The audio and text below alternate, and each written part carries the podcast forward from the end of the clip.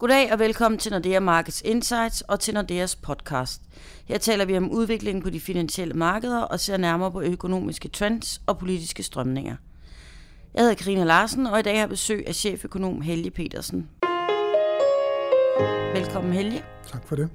Vi skal tale dansk økonomi, og så kommer vi ikke ud om afstemningen i Storbritannien. Der er virkelig lagt op til historisk højdrama der, og det er på alle fronter.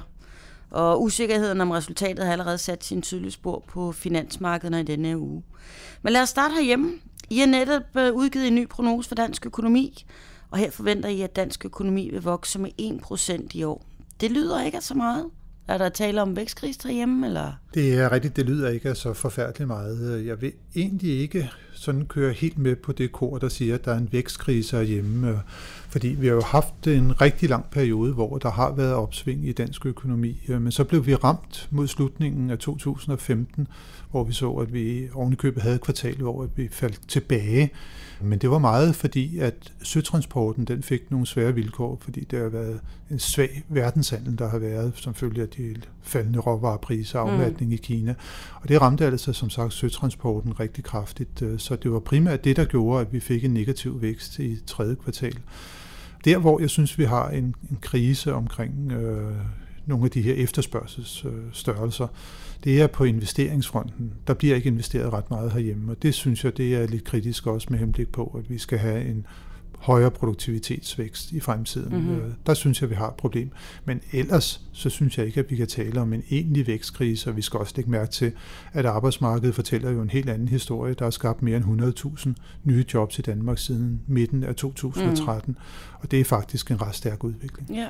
Men hvad er det, der driver? Hvad er drivkraften? Jamen det er øh, meget øh, det private forbrug. Okay. Det har haft det temmelig godt. Vi skal lægge mærke til, at der jo er sat et øh, rekordsalg af nye biler her i løbet af 2016. Ja. Øh, også sådan andre varer køber vi faktisk flere af nu, og vi efterspørger i vid udstrækning sådan flere tjenesteydelser, mm-hmm. så vi tager rigtig meget på ferie, bruger mange penge på det, og på fitness og frisører, det er tre efter, mm-hmm. holder til det. Ikke? Så jeg synes faktisk, at der har været meget god gang i det okay. private forbrug. Øh, så det er det, der har været drivkraften. Mm-hmm. Men hvad så kan vi forvente, der kommer lidt mere fart på næste år? Det håber vi. Ja. Uh, vi håber på, at eksporten den kommer lidt mere op i tempo igen. Ikke? Nu har vi set, at råvarepriserne de er begyndt at stabilisere sig, og den kinesiske økonomi, jeg vil ikke sige, at den er stærk, men den er også stabiliseret. Og okay. Jeg håber på, at der så kommer mere gang i verdenshandlen, og det så kan være med til at trække eksporten op mm-hmm. også.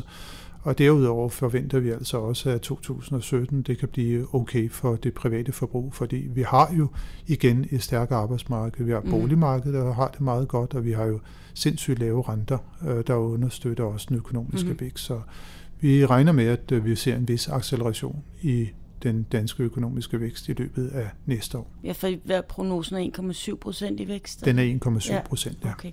Jamen, vi får se også så boligmarkedet. Det ser fortsat ud til at være i fin form.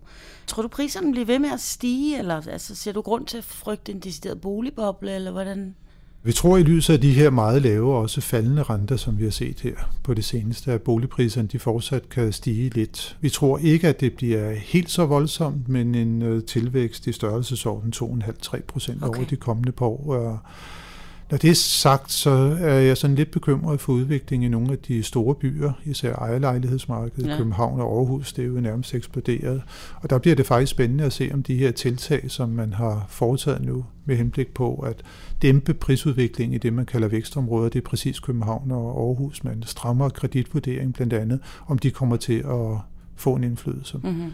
Det må man på en måde næsten håbe, at det gør. Ja, fordi nu der øh, parcelhusene er nået det højeste niveau siden 2008, og prisen på ejerlejlighed ligger helt 5% højere end den gamle top i 2006. Det er jo noget, der er til at tage at føle på. Det er bestemt noget, der er til ja. at tage at føle på, og det er jo en konsekvens af den sindssygt lave rente, som ja. vi har i dag. Og det, som man bare må håbe på, det er, at renten ikke lige pludselig stiger kraftigt, ja. og boligpriserne så begynder at og skvætte tilbage ja. igen, som vi så det tidligere, ikke? fordi ja. så er der igen rigtig mange, som der kommer ud i det her, vi kalder for teknisk uh, insolvens. Ja. Og så kan vi få en svær situation for dansk økonomi. For mm.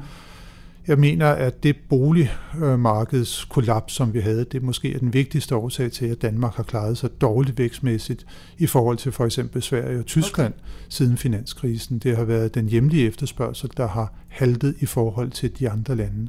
Så det er meget vigtigt, at man undgår, at der bliver bygget boligbobler. Mm-hmm. Det får som regel rigtig store konsekvenser for hele økonomien i det øjeblik, at okay. de brister. Ja.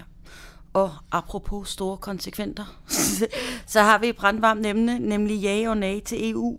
Der skal være afstemning om Storbritanniens medlemskab af EU her den 23. juni i næste uge. Det har hidtil ligget sådan 50-50, men nu en uge før afstemningen, så ser det ud til det heller til nej-siden. Altså en Brexit. Hvis det bliver et nej, øh, venter vi så, at den britiske økonomi, eller så forventer vi, at den britiske økonomi vil skrumpe med 2-3 procent. Hvordan vil det påvirke dansk økonomi? I hvis det ja, bliver. Hvis det bliver det, ikke? fordi vi skal også stadigvæk huske, at selvom ja. meningsmålingerne de viser et lille flertal nu til Brexit-siden, øh, så er det jo stadigvæk sådan, at odds for bookmakerne de er på, at Britannien kommer til at forblive i EU. Nå, det er de. Ja, det er de fortsat. Okay. Øh, så, så bookmakerne de giver fortsat øh, de bedste odds for det. Men i tilfælde af Brexit, og det er jo der, hvor den rigtig interessante situation den kommer, så er det rigtigt, så venter vi, at den britiske økonomi hen over de kommende på år vil skrumpe med 2-3 procent. Og det vil jo også få en negativ konsekvens for Danmark, fordi vi har jo Storbritannien som et stort eksportmarked, mm. så vores eksportmuligheder til Storbritannien bliver simpelthen sværere. Og derfor forventer vi også, at øh, vi kan blive ramt med op mod kvart procentpoint på væksten. Det vil sige, at når jeg siger, at vi vækster til næste år med 1,7 procent, så kan det være, at vi skal nedjustere det til 1,5 procent i tilfælde af Brexit. Okay. Og måske endda lidt mere, hvis det også er, at det giver anledning til en lavere økonomisk vækst i skal vi sige, resten af Europa, så kan vi også blive ramt på eksportmarkederne der. Og der kan måske i det hele taget blive usikkerhed også omkring hele EU's fremtid. Ja. Og det kan også komme til at give nogle negative effekter. Så det kan øh, risikere at blive dramatisk. Det kan også være, at det bliver til at håndtere. Mm-hmm. Hvad tror du, hvad forventer du resultatet bliver? Jamen, jeg, det er en svær jeg, en, men... Den er meget, meget svær. ja. Jeg tror, det bliver et uh, tæt løb. Jeg tror, at uh, Remain-siden kommer til at vinde, altså Storbritannien kommer til at forblive i EU, men uh, mit bedste bud nu her, hvis vi skulle tage et gæt på det, det var, at det bliver sådan noget 52-48. Ja, det er også, det er tight. Så det, for, ja. for mig er det tight lige nu. Ja, der, ja, ja. Ja, og frygten for en Brexit, den har, har haft stor indflydelse på de finansielle markeder. Øhm, aktiekurserne og renterne er faldet meget på det seneste. Øh, hvordan hænger det sammen? Altså, vil det fortsætte ind til mm. afstemning? Og Jamen, det hænger jo sammen på den måde, at der er enormt usikkerhed om Storbritanniens fremtid lige nu, og det usikkerhed, det er det, som de finansielle markeder de hader mest. Og så ser man typisk, at det er, at investorerne de så går ud af de her mere risikofyldte øh, værdipapirer som aktier, og så ind i de såkaldte sikre havne, og det er som regel øh, obligationer, især statsobligationer. Mm-hmm. Og derfor er det, vi har set, at renten på statsobligationerne de er kommet ned på rekordlave niveauer her på det allerseneste, og det har så også påvirket også boligobligationerne, så boligrenterne de er også faldet igen. Mm-hmm. Ikke? Så det er altså usikkerheden, der, der ligger og lurer, som der gør, at vi har set den reaktion, som vi har på de finansielle markeder på det seneste. Mm. Kommer det til at fortsætte? Jamen, jeg tror, det kommer der til at fortsætte herop til, vi har en afklaring. Jeg er ikke sådan, at jeg siger, at aktiemarkedet begynder at kollapse her, men jeg tror da, at, uh, at det bliver sådan en, en, en svær periode, indtil ja. det er, at vi har svaret. Når vi så har det, jamen, så bliver det igen en anden situation, fordi allerede nu i de fald, som der har ligget på aktiemarkedet på det seneste, der ligger nok en indiskontering af et muligt Brexit. Mm-hmm. Så derfor så tror jeg, at der vil komme en roligere periode efter Brexit, måske ikke den første uge, men derefter vil vi se en stabilisering igen fordi på, på markedet, fordi noget af det er indregnet. Ja. Og jeg er også overbevist om, at vi vil se en kraftig intervention på markederne fra centralbankernes side. Altså man vil stille likviditet til rådighed, sådan så der ikke opstår paniksituationer, mm-hmm. og man vil måske også se, at den øh, britiske Nationalbank, Bank of England, vil øh, gå ud og sætte renten ned for at, igen at holde hånden under den, den britiske økonomi og de okay. britiske finansielle markeder. Mm.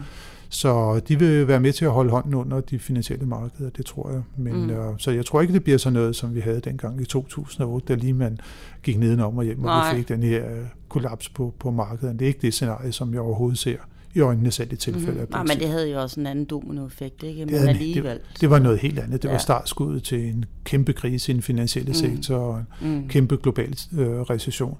Det bliver det her jo ikke. Altså, selvom Storbritannien skulle melde sig ud af EU, er det jo ikke sådan, så at den britiske ligesom synker ned i Nordsøen og forsvinder helt. Altså. sådan er det jo ikke. Nej, men det er jo også mere, at der kan være, at der er flere lande, der så følger med. Ikke? Det, vil, altså, man, det er jo svært at forudsige. Det er, altså for mig er det lige før den politiske usikkerhed, som der kunne følge i kølvandet ja. på en britisk udmelding, den er værre end den rent økonomiske situation, fordi mm-hmm. du har ret, øh, vi kan også se herhjemme, ikke, at der kan der være også en, en risiko, ser jeg det som en risiko for, at vi ser politiske partier, der vil begynde at stille krav om en dansk folkeafstemning mm. omkring Danmarks medlemskab mm. af EU med begrundelse i, at vi trådte ind med Storbritannien i 73, og hvis de forlader, så skal vi forlade med dem, øh, ja. hvilket for mig er et meget dårligt argument. Men mm. øh, det er, det er den risiko, som der, der vil opstå, og det er jo ikke kun i Danmark, det er jo også i andre europæiske lande, mm. hvor at man har en høj grad af EU-skepsis. Ja og en øh, polarisering af det politiske liv. Så den, den, den del, synes jeg faktisk er noget mere risikabel og farlig, ja. end bare de økonomiske konsekvenser. Mm. For som sagt, Storbritannien forsvinder ikke ja. fra den ene dag til den anden, fordi man ikke er medlem af EU. Okay. Ja, for det har som sagt konsekvenser langt ud over Europa også i verden. Hvis vi lige tager her til slut et kig ud på, hvordan det ser ud for verdensøkonomien lige nu.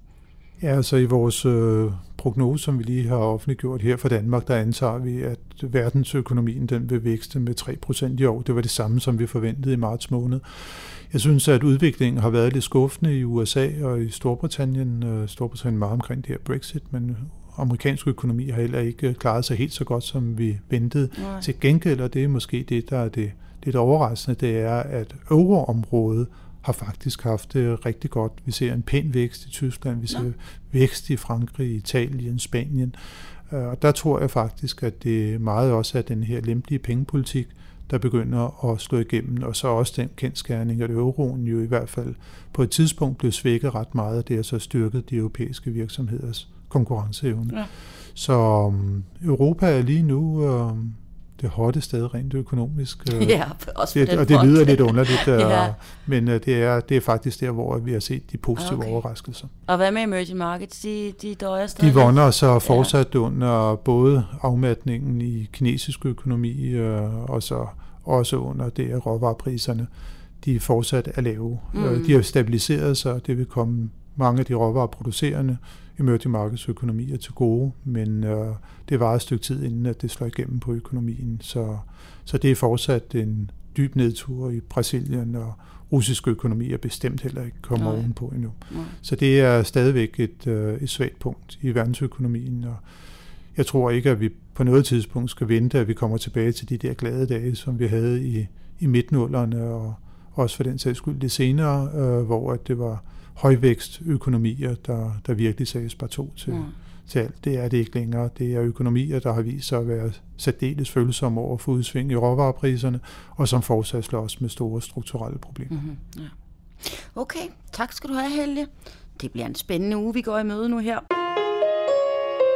Og op til øh, afstemningen i Storbritannien, der vil vi, det vil vi følge tæt, så både dagen op til og dagen derpå og dagen efter, afhængig af, hvad der sker. Og hvis du vil vide mere om, hvad der rører sig på de globale finansmarkeder, kan du besøge os på nordeamarkets.com og nexus.nordea.com, hvor du også kan finde den seneste økonomiske rapport. Du kan også finde vores dybdeborende øh, research på alle andre fronter, og så kan du som altid besøge os på LinkedIn og følge vores analytikere på iTunes og Twitter. Tak for denne gang, og på genhør.